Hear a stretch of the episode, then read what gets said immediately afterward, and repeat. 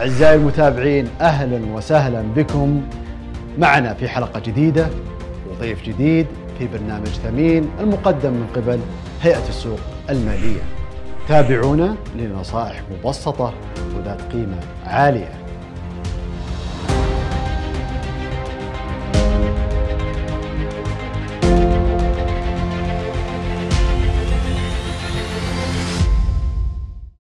السلام عليكم ورحمة الله وبركاته. أهلا وسهلا بكم أعزائي المشاهدين في حلقة جديدة من برنامج ثمين التوعوي.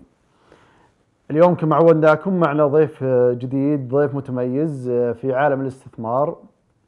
معنا اليوم الأستاذ محمد الشماسي الرئيس التنفيذي لشركة دراية المالية. أبو عبد الله حياك الله. يا هلا أبو عبد الرحمن يا هلا وسهلا. يا هلا وسهلا. شكرا على الاستضافة.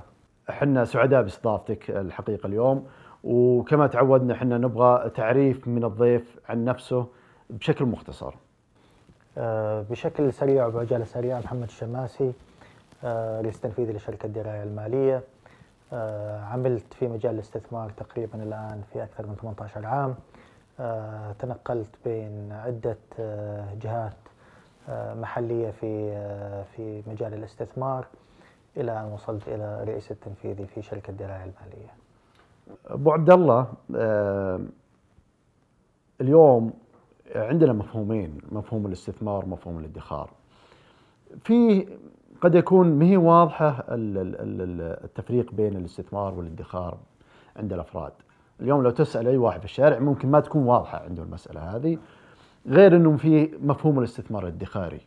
فيا ريت تعطينا كذا تصور أو تعطينا شرح مفهوم الاستثمار ومفهوم الادخار. جميل. اليوم إحنا إذا ننظر إلى مرحلة آه، الادخار والاستثمار ننظر لها المفروض أنا كمرحلتين مختلفتين. أنا لن أستطيع أن أصل إلى مرحلة الاستثمار قبل لا أبدأ فعلا في مرحلة الادخار. اذا البداية إحنا دائما ننظر لها إن اليوم أنا لازم أدخر جزء من آه، من مداخيلي آه، نتيجة عملي نتيجة إلى جهد قمت قمت فيه وأخذ جزء من المداخيل هذه وأدخرها. بعد ما تصل المداخ المداخير هذه إلى أو المدخرات إلى آه، مبلغ معين بعدها يتسنى لي أن أنا أبدأ في مجال مجال الاستثمار ال- أو الاستثمار ال- ال- للمدخرات. فغالبا ينظر إلى ال- مسألة الادخار إن هي المرحلة الأولى.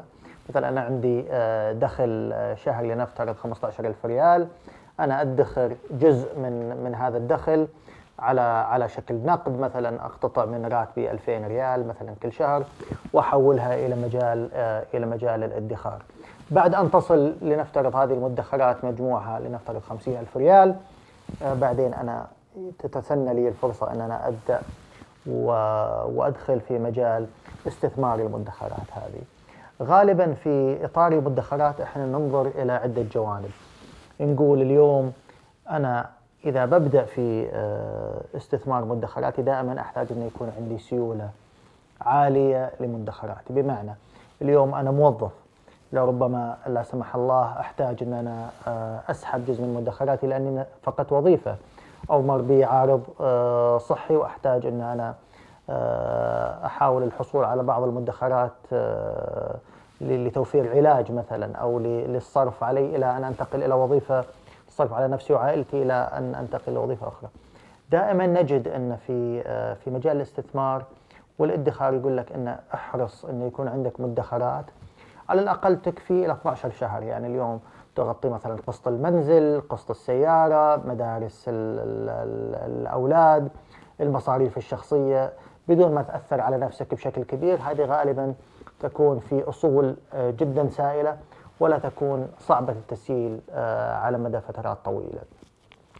آه، في المقابل لما نصل إلى آه، المرحلة هذه إن عندنا مدخرات كافية إلى مثلا 12 شهر كاملة تقدر بعدين تقول أنا ممكن أتوجه إلى مجال ال- ال- الادخار والاستثمار بحيث إن أبدأ الآن بشكل تدريجي أستثمر المدخرات اللي آه، التي جمعتها بما يفوق ال- الحاجة الفعلية أو الحاجة آه، قصيرة الأجل.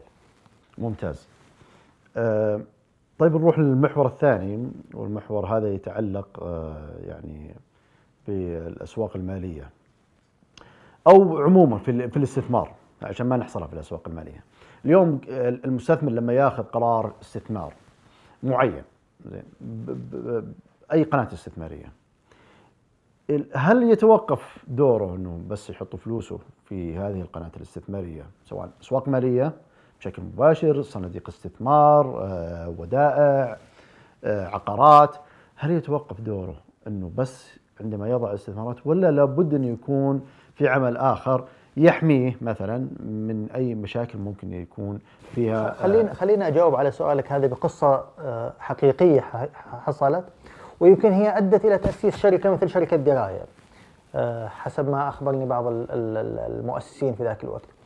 آه، جاءت القصة هذه على أحداث 2006 آه، حيث أن أحد الإخوة المؤسسين في الشركة كان عامل محاضرة للتوعية في مجال في مجال الاستثمار.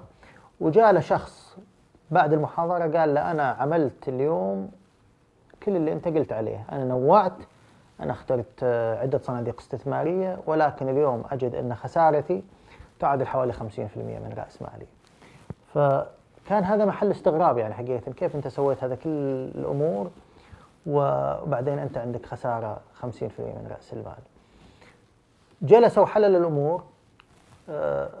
المستثمر هذا أخذ آه، أمواله ووزعها على عدد من المصارف. وراح لكل مصرف قال لهم إيش أفضل صندوق استثماري عندكم؟ هذا قال له صندوق ألف، هذا الصندوق باء، هذا الصندوق جيم. ولكن عندما تحلل المسألة هذه تجد أن جميع الصناديق هذه استثمرت في, في سوق الأسهم في سوق الأسهم السعودي عن طريق المصرف ألف والمصرف باء والمصرف جيم فأنت بالنهاية التعارض عندك هو تعارض واحد أنت أخذت فعلا تنويع ونوعت ورحت لأكثر من جهة وحاولت أنك تجتهد ولكن أنت في النهاية التعارض تعارض واحد فإجابة على سؤالك اليوم. لو ناخذ هذا لأي شخص آه، مستثمر أمواله اليوم لازم يحرص أن أول شيء آه، هو لربما موزع على عدة مدراء استثمار ولكن الأصل التي الذي يتم الاستثمار فيه هو أصل واحد. فلازم نحرص على التوزيع بين الأصول المختلفة يعني يكون عندي نقد يكون عندي أسهم يكون عندي عقارات يكون عندي آه، صكوك واللي نسميها استثمارات بديلة. هذا من جانب. نحرص كذلك أن يكون عندنا توزيع جغرافي جيد. يعني في مجال مثلا الأسهم يكون عندي أسهم في المملكة أسهم في الخليج أسهم في في أسواق ناشئة وأسهم في أسواق متقدمة. ولا أحصر نفسي فقط في نطاق جغرافي واحد وهو سوق الأسهم المحلية. كذلك ينطبق نفس الشيء عندنا في مجال مثلا الاستثمار العقاري. آه، لا يحصر نفسه فقط في الاستثمار في المجال العقاري اليوم. في فئة واحدة. يعني بمعنى اليوم ممكن أنا أستثمر في آه، في التطوير أستثمر في الأصول الجاهزة والتي تدر عائد عائد نقدي سواء داخل المملكة أو خارج المملكة. كل هذا يعتبر ضمن ضمن إطار التنويع ومراقبة ومراقبة الاستثمارات وتنويعها. طبعا بس في نقطة مهمة إحنا كيف المستثمر كيف يتابع الاستثمارات هذه؟ يعني اليوم أنا بجيب لك مثال. اليوم كثير من المستثمرين خلينا نتكلم على اللي يستثمر داخل السوق السعودي. يعني من أنا ألاحظ طبعا شخصيا انه هم يدخل ويشتري الشركة لكن هذا ما يكفي إنه اشترى الشركة على وضع معين. زين. لابد إنه يتابع القوائم المالية، غير القوائم المالية لازم يتابع مثلا تقرير مجلس الإدارة، تقرير مجلس الإدارة للأسف كثير اليوم من المتداولين. ما يعرفوا أهمية التقرير مثلا مجلس الإدارة، مجلس الإدارة يحوي معلومات مهمة خصوصا طبعا اللي يطلع في نهاية السنة لأنه يبين لك الاستراتيجيات اللي للشركة اللي راح تسويها خلال السنة القادمة يمكن أبعد من السنة القادمة. فبالتالي أنت لازم تعرف وش اللي موجود هذا. أنا هذا اللي أقصد إنه لابد إنه يكون في متابعة إيش وش ممكن يكون المستثمر. يعني اليوم هو جاء وحط معاك اليوم سواء سواء شركة استثمارية ولا غيره حط فلوس داخل هالصناديق هذه. لكن لابد أن أتابع أداء هذا مدير الصندوق يمكن أداؤه سيء يمكن أداؤه جيد. عموما يعني المفترض انه يكون في متابعة. جميل. اليوم خلينا ننظر لها إحنا من عدة جوانب ونأخذها يمكن بشكل آه، مشابه للي ذكرته. اليوم لنفترض أنا آه، قررت أن أنا أحط أموالي في سوق الأسهم آه، السعودي وطريقة الاستثمار هذه طريقة استثمار عن طريق الصناديق الاستثمارية. أن اليوم أنا أوضع أموالي وأختار آه، اثنين من مدراء الصناديق أو ثلاثة من مدراء الصناديق.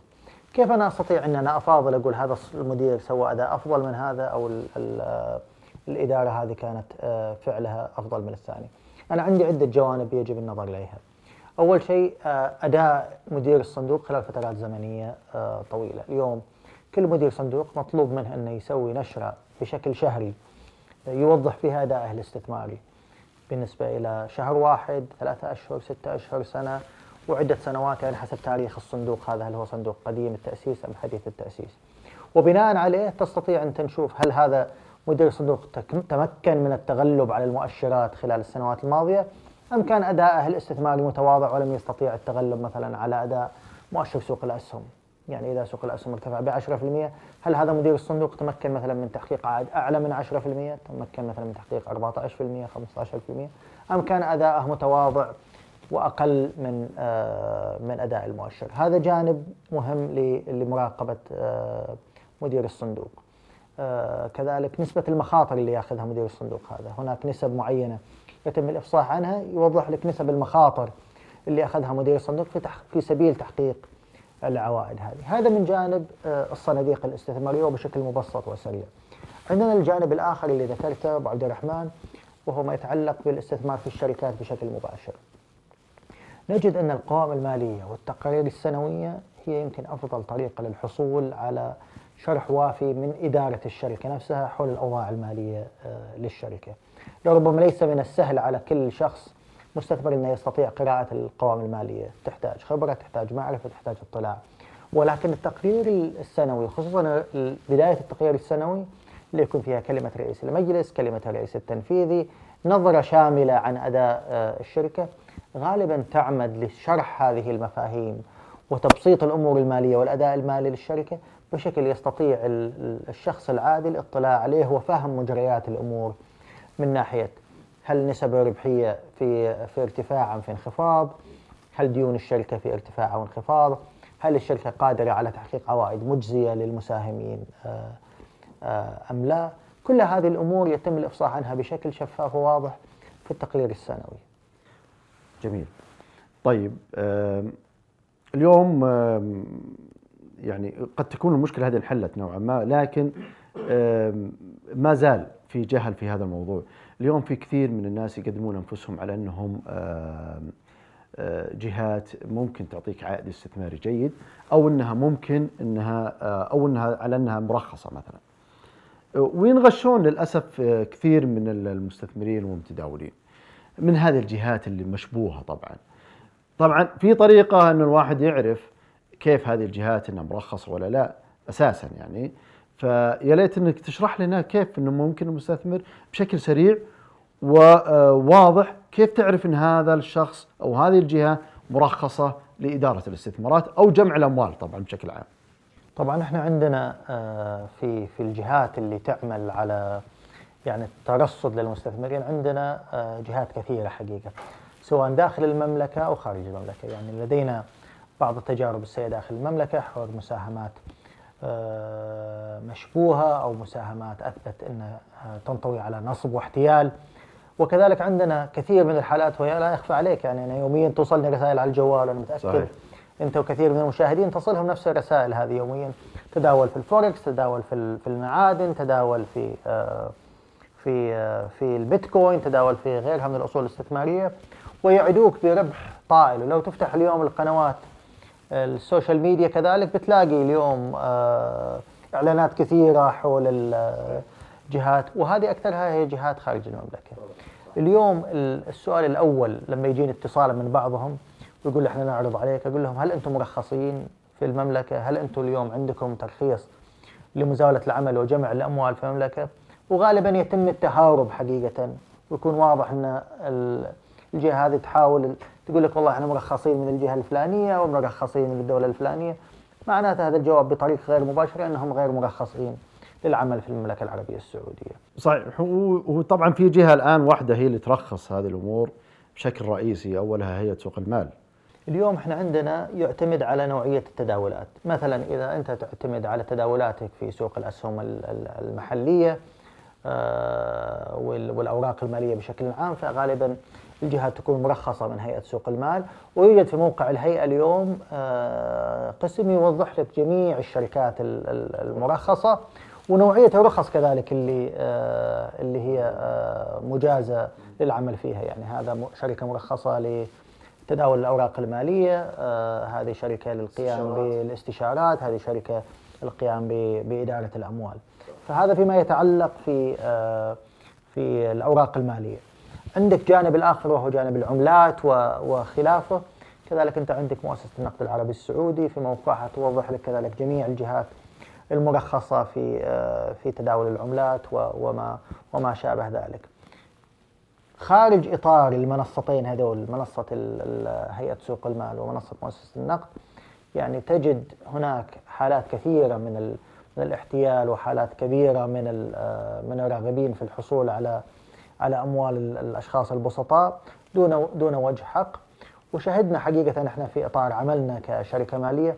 نسمع كثير من القصص حقيقة اللي تدور عن عن جهات مشبوهة اتصلت وأخذت من الشخص الشخص المستثمر رقم بطاقة الائتمان لأنهم إيه، يعني رغبوه أنه مثلا يكون عنده آه، مشاركة في في العملات الرقمية أو للتداولات في آه، في أسواق العملات وما ينطوي عليها من من مخاطرة عالية نتيجة ارتفاع آه، مستوى التمويل. يعني يقول لك أنا حطيت لي 10000 دولار مثلا وأعطوني عليها تمويل 10 الواحد شكرا لك أبو عبد الله على حضورك شكرا لكل ما قدمته وشكرا لكم أعزائي المشاهدين وأتمنى إن شاء الله أن قدمنا لكم آه، معلومات مفيدة آه، استطاعت أن تصل إليكم بشكل سهل. وترقبونا إن شاء الله في الحلقات القادمة مع ضيوفنا المميزين بإذن الله والسلام عليكم ورحمة الله وبركاته.